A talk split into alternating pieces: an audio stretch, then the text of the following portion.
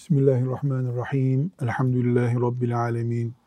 Ve sallallahu ve sellem ala seyyidina Muhammedin ve ala alihi ve sahbihi ecma'in.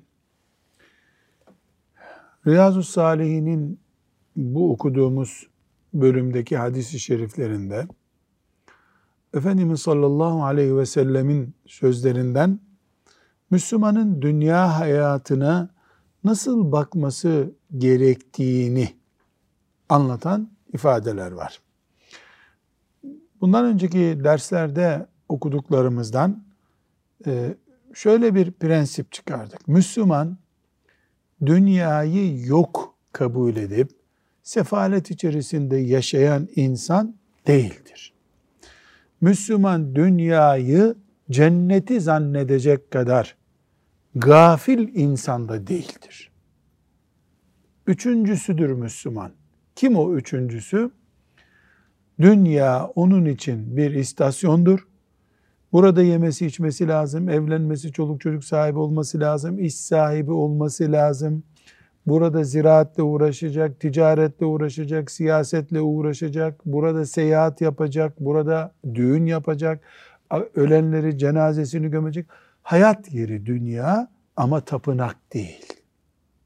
Peki nasıl anlayacak Müslüman tapınak düzeyine getirmediğini dünyayı, Allah'ın emirlerini aksatıyorsa e dünya onun yüzünden dostluklardı, ticaretti, Allah'ın emirlerini aksatma sebebi oldu. Hayır, e, Allah'ın emirlerini aksatmıyor. Haramlarına bulaştırtmıyor. E, anneye babaya dahil bir insana karşı kul hakkı sebebi olmuyor. Ne güzel. Dünya o zaman Müslümanın istifade ettiği bir bahçeye dönmüş demektir. Ama mesela 5 metrelik bir bahçe yüzünden anasından beddua almış bir insan, kardeşleriyle senelerdir konuşmayan bir insan mesela yani veya başka bir haram. E, dünya onun tapınağı olmuş demektir. Bu standardı Efendimiz sallallahu aleyhi ve sellem bize vermeye çalışıyor. İslam'ı en iyi şekilde yaşamak ancak dünyada mümkündür. Cennette Müslümanlık yaşamayacağız biz. Cennette oruç tutmak, e, işte diğer işleri yapmak bir görevimiz yok. Görevlerimiz dünyadadır. Dolayısıyla dünyayı ne kadar Allah'ın rızasını kazanacak şekilde yaşadığımıza bakacağız. Eğer dünya şeytanın ve nefsin kışkırtmaları sebebiyle tapınağımız haline gelirse bundan zarar ederiz. Bu mesajı sürekli veriyor bu bölümde okuduğumuz hadis-i şerifler. Şimdi 482. hadisi şerife geldik. Bu hadisi şerif çok önemli bir mesaj yük, yüklü ile karşımıza çıkıyor. İnşallah Teala e, bu hadisi şerifi tefekkür etmek, bu hadisi şerifin anlattığı e, şeyi anlamış Müslüman olarak yaşamak hepimize nasip olur. Gayet dikkatli bir şekilde Hafız Salih okuyalım bakalım. Ka'b bin İyad radıyallahu anh Resulullah sallallahu aleyhi ve sellemin şöyle buyurduğunu işitmiştir. Şüphesiz her ümmetin bir fitnesi vardır. Ümmetimin fitnesi de maldır. Bir daha okuyalım hafızım. Şüphesiz her ümmetin bir fitnesi vardır. Ümmetimin fitnesi de maldır. Evet. Ümmet ne demek? Bir peygamber döneminde yaşayan insanlar demek. Nuh aleyhisselamın ümmeti vardı. O dönemde yaşadılar. İbrahim aleyhisselamın ümmeti vardı. Musa aleyhisselamın ümmeti vardı. Binlerce ümmet var böyle. Biz de Muhammed aleyhisselamın ümmetiyiz. Onun peygamber olduğu dönemde yaşıyoruz. Biz Muhammed ümmetiyiz. Sallallahu aleyhi ve sellem. Peki peygamberimiz nerede? Evet peygamberimiz cesediyle içimizde değil, dini ile içimizde. Önceki ümmetlerin peygamberleri öldüğünde o ümmetlik dönemi de bitiyordu. Bizde ise kıyamete kadar başka bir peygamber gelmeyeceği için ümmeti Muhammed olarak biz devam ediyoruz. Her ümmetin bir fitnesi var. Benim ümmetimin fitnesi de maldır buyuruyor sallallahu aleyhi ve sellem. Ne demek fitne? Yani test konusu. Test aracı. İbrahim aleyhisselamın ümmetinin fitnesi Nemrut'tu. Bir zalim kan kusturuyor. İbrahim aleyhisselamın önünü engellemeye çalışıyordu. Musa aleyhisselamın ümmetinin fitnesi Firavundu. Sonra başka şeyler oldu. İsa aleyhisselamın ümmetinin fitnesi Roma İmparatorluğu'ydu. Yani bir sebep gösteriyor Allahu Teala ve o sebeple kim ne kadar ciddi Müslümandır? Kim ne kadar hakikaten Allah'ı istiyor? Hakikaten cenneti istiyor? Hakikaten cehennemden korkuyor? Bunu ölçüyor Allah Teala. Kur'an-ı Kerim Ankebut suresinde ne buyurur? Ve lekad fetennellezine min kablihim. Sonra فَلَيَعْلَمَنَّ اللّٰهُ الَّذ۪ينَ صَدَقُوا وَلَيَعْلَمَنَّ الْكَاذِب۪ينَ Sizden öncekilerin hepsine bir fitne verdik. Bizden öncekiler kim? İşte İsa Aleyhisselam'ın ümmeti, Nuh Aleyhisselam'ın ümmeti, Salih Aleyhisselam'ın ümmeti. Buzak bir fitneyi konusuydu değil mi? Buzağı, küçük bir buzağı, bir deve yavrusu fitne konusu oldu onlar için. Yani ne demek? İmtihan ettik hepsini onların. Sizi de imtihan edeceğiz. Kim doğru, kim yalancı göreceğiz Allah buyuruyor. Neyin doğrusu, neyin yalancısı? La ilahe illallah Muhammedur Resulullah diyorsun. Allah'tan başka hiçbir ilah yok diyorsun. Nemrut geliyor ben ilahım diyor. Tamam sen de ilahsın dersen mağlup olacaksın. Firavun ne dedi? Ben bunların ilahıyım dedi. Bu toprakların ilahı benim dedi. Değil mi? O bir imtihandı. Yani Allah test edecek Musa'ya mı sağlam kalacaksın, Firavun'a mı sadık kalacaksın? Her ümmetin böyle bir fitnesi oldu. Yani imtihanı oldu. Fitne ne demek? İmtihan demek. Test demek.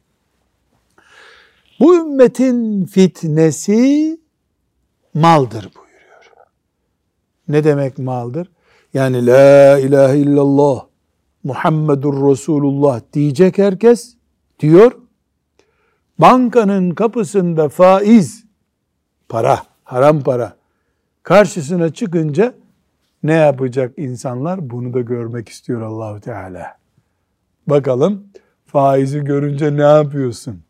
Hani çok güzel takva bir faize gelince dayanamıyor, çalmaya gelince dayanamıyor, gaspa dayanamıyor. Bir de kumar oldu mu kaçırmıyor ama iyi adam. Olur mu böyle bir şey? Peki başka imtihanları yok mu Allahu Teala'nın? Var. Elbette var. Nitekim eski ümmetlerde de vardı başka imtihanlar. Hepsi mesela Firavundan ibaret değildi. Nemrut'tan başka da imtihan sebepleri vardı. Ama ana imtihan başlığı buydu. Bu ümmet malın dünyada en coşkulu olduğu zamanda yaratıldı. Mal ne demek? Para, arsa, para kazandıran force, imza yetkisi, fabrika, iş yeri, her şey. Yani sadece para değil mal. İnsana güç katan bütün maddi değerlere mal diyoruz biz. İnsana güç katan maddi değerlere mal diyoruz. Mesela şu gözlüğü yapan firma var değil mi? Bu gözlük 5 lira diyelim. Ama bu 5 liranın 1 lirası bu gözlüğün markasının fiyatı. Demek ki marka değeri de bir mal hükmünde. Nitekim bir fabrika satılırken 1 milyon liraya satılıyor. Tabelasını 5 milyon liraya satıyor satan. Niye? Tabela da bir mal. Dolayısıyla ümmeti Muhammed aleyhissalatu vesselam Adem aleyhisselamdan beri insanlığın kazma, kürek, çekiç, koş, kahane arabası, tekerlek vesaire bütün insanlığın bu birikiminin kaymağının toplandığı, işte sanayi devriminin yapıldığı, arsaların e, mesela 100 sene öncesine göre milyon değer kazandığı, daha fazla değer kazandığı bir yerden bir yol geçiyor. Orada çöplük zannedilen yer o yol geçince altınla tartılıyor neredeyse. Böyle insanlığın mal bolluğuna veya malla büyümeye rastladığı bir döneme geldi insanoğlu. Bugünkü kadar para veya herhangi bir mal çeşidi insanı boğmadı. Bundan 100 sene önce İstanbul'a Anadolu'dan gidenler bir ekmek kapısı için geliyoruz diyorlardı. Ne deniyor? Ekmek mücadelesi. Bir ekmek mücadelesi. Yani zannedersin ki her gün sabah akşam ekmek yiyor. Ekmek neydi? Çalışıp para kazanmanın simgesiydi. Bir ekmek mücadelesi. Mesela dilenciler ne dileniyordu o zamanlar? Abi bir ekmek parası. Şimdi insanoğlu ne hale geldi? Ekmek yeme. Doktora giriyorsun sanki kapısında yazıyor ekmek yiyenler gelmesin. Yani ekmek suçlu haline geldi. Terörist ekmek oldu şimdi. Neden? Çok ekmek yedi insanoğlu. Artık ekmeğe yer kalmadı damarlarda. Kolesterol yaptı, yağ yaptı. Bütün kabahatler ekmeğin oldu. Zavallı ekmek. Dün ekmek hayatın simgesiydi. Para kazanmanın simgesiydi. Bugün hastanelerde suçlu oldu. Katil. Kilolunun katili, kolesterolü olanın katili, şeker hastalarının katili. Niye? Çünkü insanoğlu tarlaya giderken bir dilim ekmek yiyip akşama kadar çalışıyordu. Şimdi ekmeği üstüne yağ sürmek için yiyor. Yani bolluğu simgelemiş oldu. Ekmek kıtlığı mesela biz görmedik elhamdülillah ama bizden yaşlılar görmüştür. E, İstanbul'da karneyle ekmek satılıyormuş 1940'lı yıllarda. Karneyle. Ne demek karneyle? Yani abone kartın var gidiyorsun. Bu fişlerin resimlerini ben gördüm sadece. Gidiyorsun e, devlet sana ondan 20 tane veriyor. O 20 tane ister bir günde bitir istersen bir ayda bitir. Çocuklarınla onunla yaşayacaksın. E, bugünlerden çöpe atılan ekmeklerle e, Afrika'da bir ülke doyar neredeyse denen günlere geldik. Ne anlıyoruz bundan?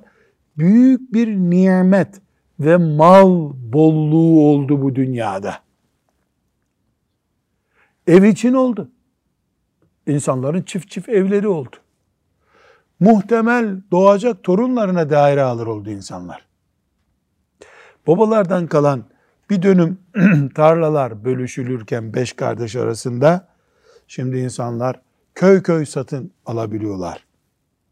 Hatta Salih Hafız çok önemli. Mesela Afrika'da işte gidip Somali'de bin dönüm yer alıyor adam. Türkiye'den. Gelirken babasının tarlasından bir dönüm yer bırakın bana diye abilerine yalvarıyordu. İstanbul'a gelmişti. Şimdi gidiyor Afrika'da 10 bin dönüm yer alıyor.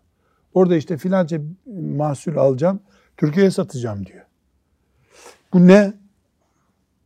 Malın insan oğlunun solunumu kadar, aldığı oksijen kadar bollaştığını gösteriyor. Elbette tabii bunun bir boyutu daha var. İnsanoğlu bunu kazandı ama neler kaybetti o sorunun cevabı çok zor. Çok şey kaybetti insanoğlu. Çok şey kaybetti.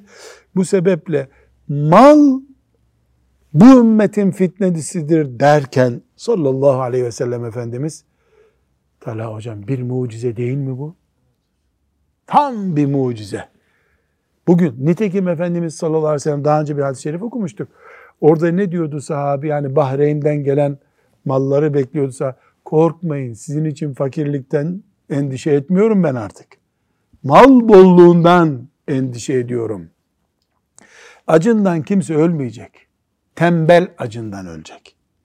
Çalışan için mal var. Ha, burada bir sorun nedir? O sorun şudur. Biz e, yaratılırken parayı, arsayı, yeşil bahçeleri, kiraz ağaçlarını sevecek şekilde yaratıldık. Bir nefis taşıyoruz. Bu nefsimiz parayı seviyor. Çok seviyor hem de. E bunu böyle yaratan da Allah Celle Celaluhu.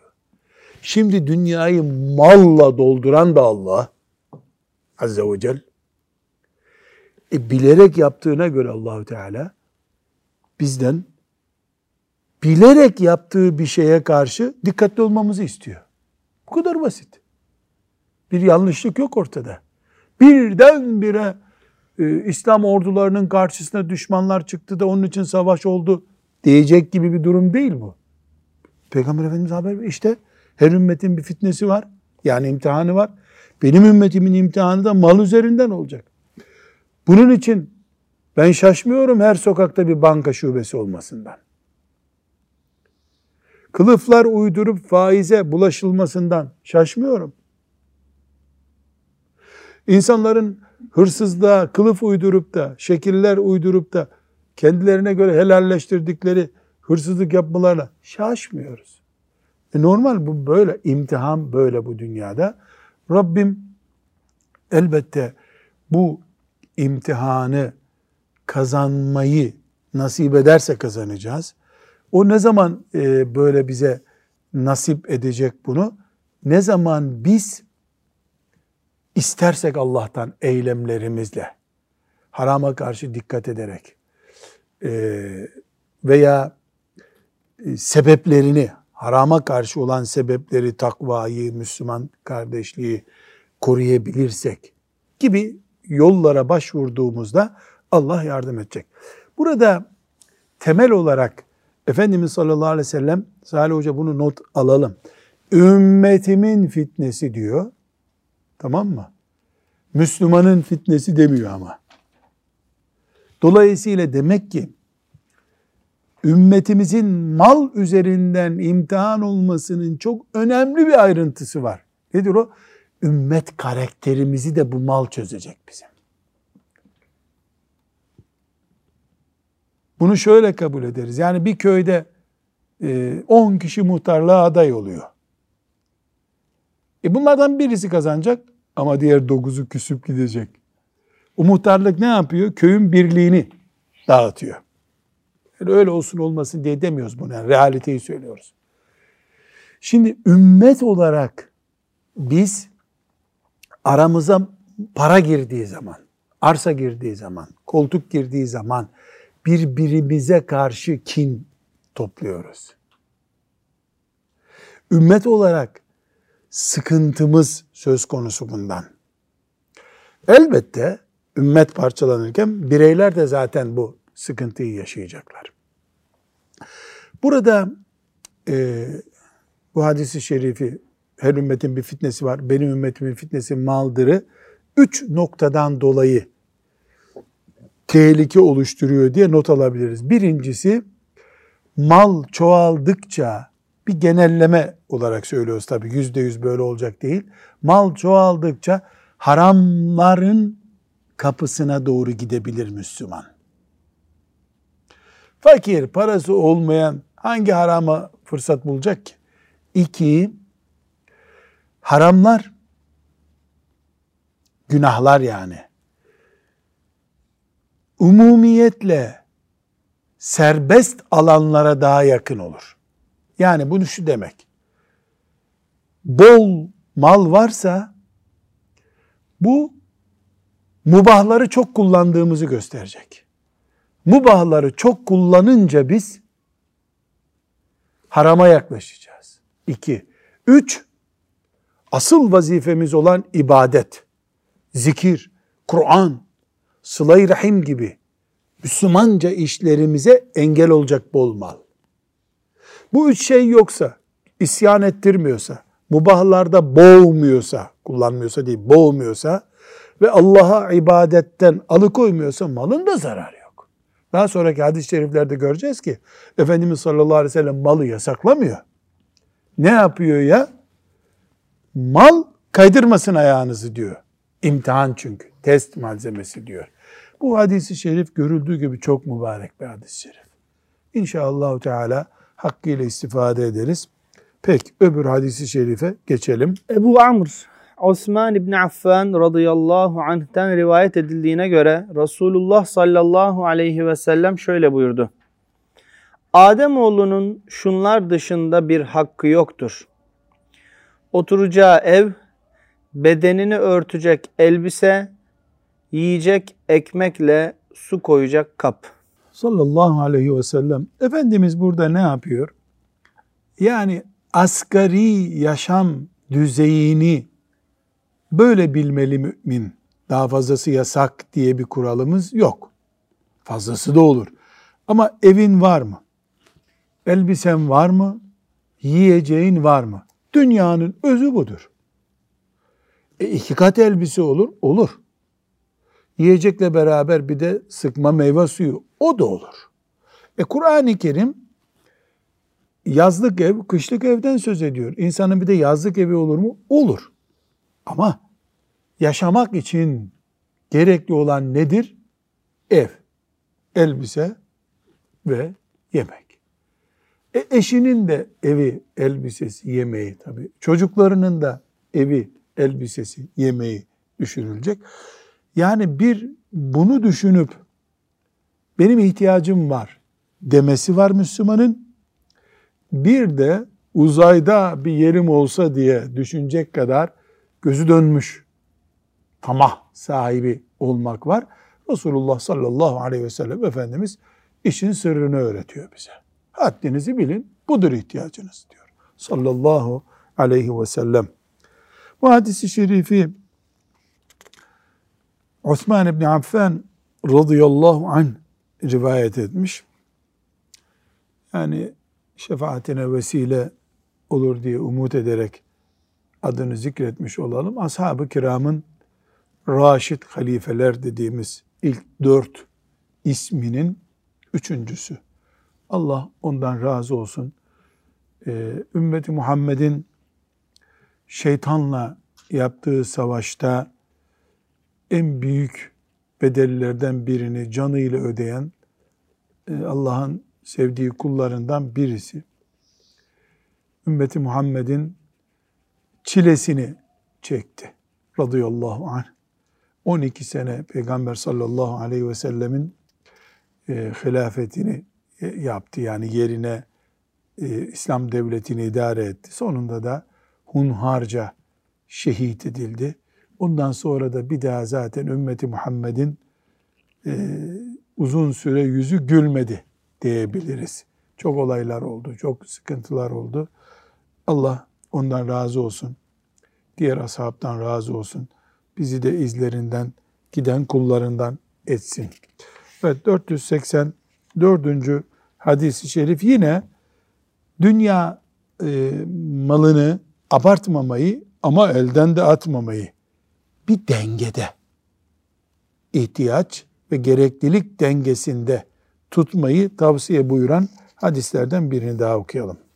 Abdullah İbni Şihir radıyallahu anh şöyle dedi. Resulullah sallallahu aleyhi ve sellemin yanına gelmiştim. O Elhâkumut tekâthur suresini okuyordu. Sureyi okuyup bitirince şöyle buyurdu. Ademoğlu malım malım deyip duruyor. Ey Ademoğlu yiyip tükettiğin, giyip eskittiğin veya sadaka olarak verip sevap kazanmak üzere önden gönderdiğinden başka malın mı var ki? Yani Ademoğlu mal, işte daire, ev, sigorta bir şeyler deyip duruyor. Ama ya yiyip tüketiyorsun, ya giyiyorsun elbiseni eskiyor ya da sadaka veriyorsun ahirete gidiyor. İyi tercih et demek. İyi tercih et. Adem oğlu şuurlu davranmadığı zaman verdiği sadakanın onun namına ahirette bekletildiğini anlamadığı zaman aslında yiyip bitirdiğini kazancı zanneder. Giyip eskittiğini kazancı zanneder. Yanılır. Evet yiyecek, evet giyecek ama atılmış şeyler durumunda bunlar. Asıl ebedi olan ahireti düşünmesi gerekiyor. Eğer bunu düşünmezse Müslüman, yaptığı iş nedir? Yiyorsun, içiyorsun, biriktiriyorsun, kasalar doluyor. Sen ölüyorsun, başkalarına kalıyor. Onlar senin bıraktığını yiyor, içiyor, hesabını sen veriyorsun ahirette. Çünkü kazandığının hesabı var. Bu sebeple ümmeti Muhammed olarak zillet istemiyoruz. Fakirlik, sefalet peşinde değiliz ama dünyanın kölesi de değiliz. Malın kölesi de değiliz. Bu dengeyi yakalamaya çalışıyoruz. Bir sonraki hadisi şerife geçelim. Abdullah İbni Mugaffel radıyallahu anh şöyle dedi. Bir adam Resulullah sallallahu aleyhi ve selleme Ya Resulallah Allah'a yemin ederim ki ben seni seviyorum dedi. Resulullah sallallahu aleyhi ve sellem o kişiye sen ne söylediğini iyi düşün buyurdu. Adam Allah'a yemin ederim ki ben seni seviyorum dedi ve bu sözünü üç defa tekrarladı. Bunun üzerine Resulullah sallallahu aleyhi ve sellem eğer beni seviyorsan o halde fakirliğe karşı kendine bir zırh hazırla. Çünkü fakirlik beni sevene yüksekten inen bir selden daha çabuk ulaşır buyurdu. Sallallahu aleyhi ve sellem. Hadisi anlayalım. Sonra e, hadisten çıkaracağımız hükümlere de geliriz. Efendimiz sallallahu aleyhi ve sellem seni çok seviyorum diyen bir sahabiyle karşılaşıyor. Zaten bütün ashab onu çok seviyorlardı. Allah onlardan razı olsun. Ama burada bu sözü söyleyenin üzerinden bize de aslında ona da bir ders veriyor Efendimiz sallallahu aleyhi ve sellem. Ne demek seni çok seviyorum bunu anlıyor musun? Yani bunun bir bedeli var. Bir bedeli var. Bu bedel nedir? Ben Muhammed sallallahu aleyhi ve sellemi seviyorum dedikten sonra faiz alamayacaksın. Haram maldan uzak duracaksın. Alkolden uzak duracaksın. Yani millet 40 yoldan kazanacak, sen iki yoldan kazanacaksın. Çünkü senin haramlar diye bir endişen var. Millet cumaya gitmeyecek, sen cumaya gideceksin, dükkanın kapalı kalacak. Yani Müslümanım, ben Muhammed sallallahu aleyhi ve sellemi seviyorum diyorsan, bu sevginin bir bedeli olması lazım. Bu bedel, bol mal engeli getirebilir sana. Bol malın olmayabilir. Dikkat et. Hazır mısın buna? Sallallahu aleyhi ve sellem Efendimiz sormuş. Hazır mısın? Burada İslamiyet'in kaderi fakirliktir. Müslümanın kaderi fakirliktir diye bir kural yok. Müslümansan fakir olacaksın. Bunu kimse bize söyleyemez.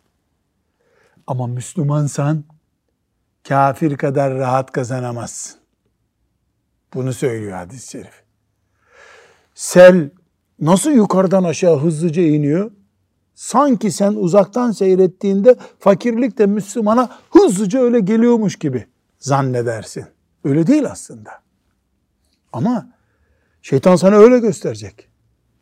Buna hazır ol. Niye gösterecek bunun izahını nasıl yapıyoruz? E çünkü sen alkol satamayacaksın. Besmelesiz kesilmiş et satamayacaksın. Konuşurken yalan konuşup ticaret yapamayacaksın. E, hile yapamayacaksın. Yaparsan haram olacak sana kazancın.